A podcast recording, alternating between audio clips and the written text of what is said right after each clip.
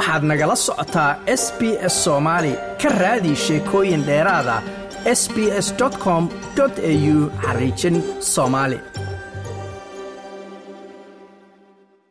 shirkii wadatashiga ee labadii maalmood ee ugu dambeysay magaalada muqdisho uga socday madaxda dowladda federaalk ee soomaaliya iyo madaxdii hore iyo siyaasiyiinta mucaaradka ah ayaa ugu dambayntii la soo gebagabeeyey iyada oo laga soo saaray warmurtiyeed walow aan si faahfaahsan loo sheegin waxyaabaha sida rasmiga ah ay iskula afgarteen dhinacyada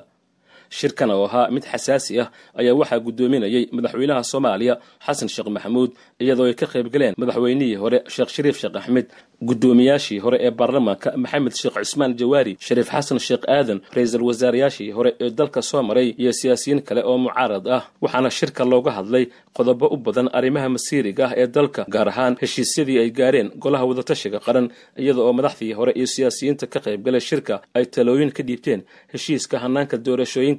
nooca doorashada dalka nidaamka xisbiyada badan guddiga doorashada qaran midaynta muduxileedka hay'adaha federaalka iyo kuwa dowlad goboleedyada iyo sidoo kale habraaca dhammaystirka dib u eegista dastuurka. Afhayeenka xukuumadda federaalk soomaaliya farxaan maxamed jimcaale oo shir jiraayad u qabtay warbaahinta markii uu soo idlaaday shirkaasi wadatashiga ayaa waxa uu sheegay in madaxda ka qayb gashay shirkaasi ay bogaadiyeen dadaalka dowladda federaalk ee deyn cafinta iyo dhammaystirka hanaanka dowlad dhiska soomaaliya. Waxaa maanta soo gabagaboobay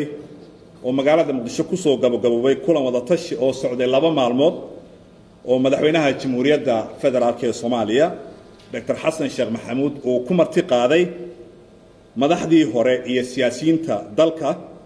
horay uga soo shaqeeyey kulanku waxa uu ku bilowday jawi aada u wanaagsan saaka oo ay ka mahad celiyeen dhammaan mas'uuliyiintii iyo siyaasiyiintii ka soo qayb galay. Runtiina ay muujiyeen in wadatashiga noocan oo kale ah uusan dalka horay uga dhicin. Qodobadii looga hadlay shirka waxay u badnaayeen arrimaha masiiriga ee dalka gaar ahaan heshiisyadii ay gaareen golaha wadatashiga qaranka. Waxaana ka mid ahaa qodobadii talooyinka laga dhiibtay heshiiska hanaanka doorashooyinka qodobadiisa oo kale ah kow. Nooca doorashada dalka. Labo nidaamka madaxtinimada dalka. Saddex nidaamka xisbiyada badan. Afar guddiga doorashada qaranka. Shan midaynta muddaxileedka hay'adaha federaalka iyo kuwa dowlad goboleedyada. Iyo ugu dambayn lambar lix habraaca dhammaystirka dib u eegista dastuurka haddaba waxaa labadii maalmood ee kulankan uu socday aada loo lafaguray qodobadaasi oo siyaasiyiintu ay soo jeediyaan runtii aaraa kala duwan oo u baahan in la tixgeliyo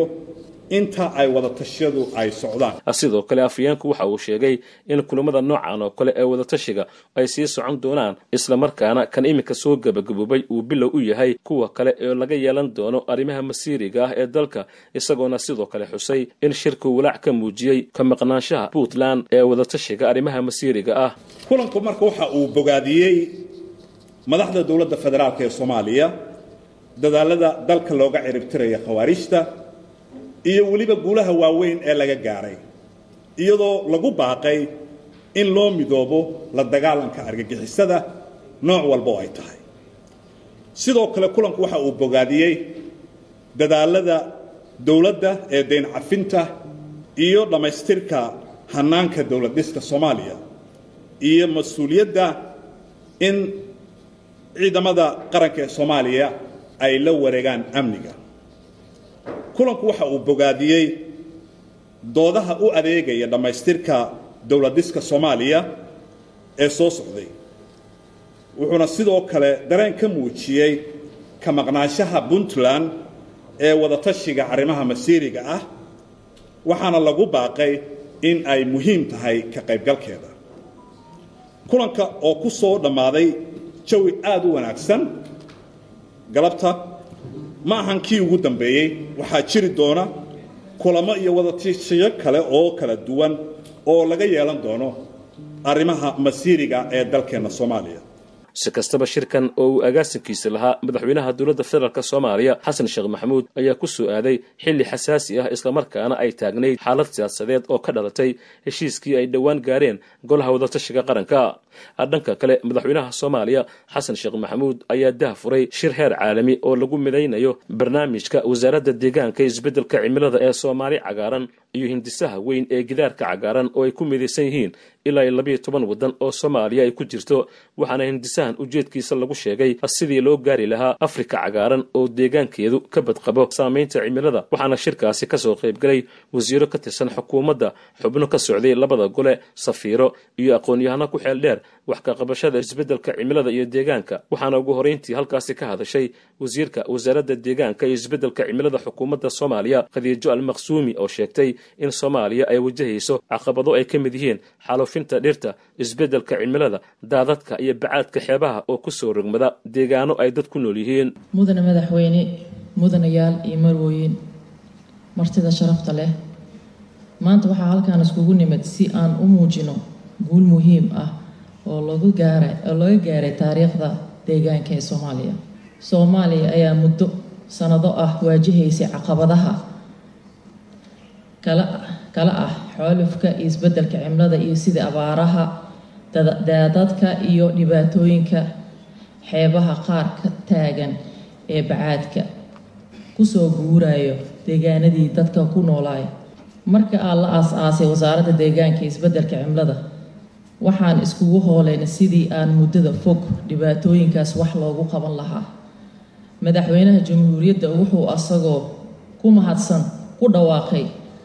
qorshaha soomaaliya cagaaran kaas oo wax weyn u qaban doona arrimaha deegaanka iyo isbeddelka cimilada. Maanta waxaa sharaf noo ah in soomaaliya ay ku biirto hindisaha ururka midooda africa oo loogu magacaabo great green wall. Waxaan u mahad celinayaa docor elvis pool xiriiryaha hindisaha midooda africa taageerada iyo ooleydadooda waxaa sharaf noo ah in mudane madaxweyne doctor xasan sheekh maxamuud uu maanta si rasmi ah soomaaliya ugu dahfuraayo hindiyaha weyn soomaaliya cagaarinta africa munaasibadan taariikhiga ah waxay muujinaysaa sida ay dowladdeeni ugu hiilan tahay ilaalinta deegaanka iyo sidii ay noogu go-an tahay hindisaha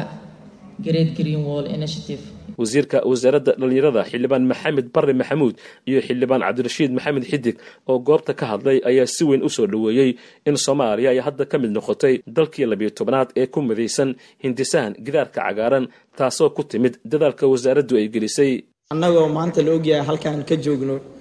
continentiga ama qaaradda in aan noqono wadanka labiyo tobnaad ama saddexi tobnaad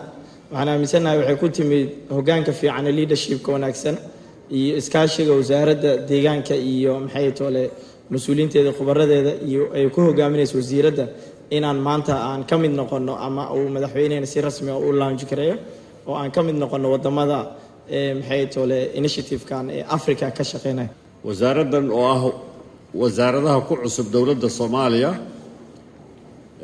xilliyadii horena ahaan jirtay qeyb yar oo xafiiska ra'isul wasaaraha hoos tagta laakiin ilaa iyo intii wasiiradda loo dhiibay wasaaraddan oo muddo yar hadda haysay waxa ay samaysay tallaabo xoog leh ayay qaaday waxaana taa markhaati ka ammaanta inaan ka qayb gelayno qeyb ka noqonayno derbiga cagaaran ee africa madaxweynaha dowladda federaalk ee soomaaliya xasan sheekh maxamuud oo dah furay hindisahan ayaa ka hadlay muhiimadda uu hindisahan u leeyahay soomaaliya iyo dadaalka ay dowladda soomaaliya ku bixisay inay qayb ka noqoto dalalka afrika ee ku midaysan gidaarka cagaaran. waxaana uu sheegay in soomaaliya sannadihii la soo dhaafay ay si gaara iyo si koox ahba ay dadaal u gelisay wax ka qabashada saameynta isbeddelka cimilada iyo deegaanka. Ma doonaysaa sheekooyinkan oo kale ka dhegayso apple podcast google podcast spotify ama meel kasta oo aad bodkastigaaga ka hesho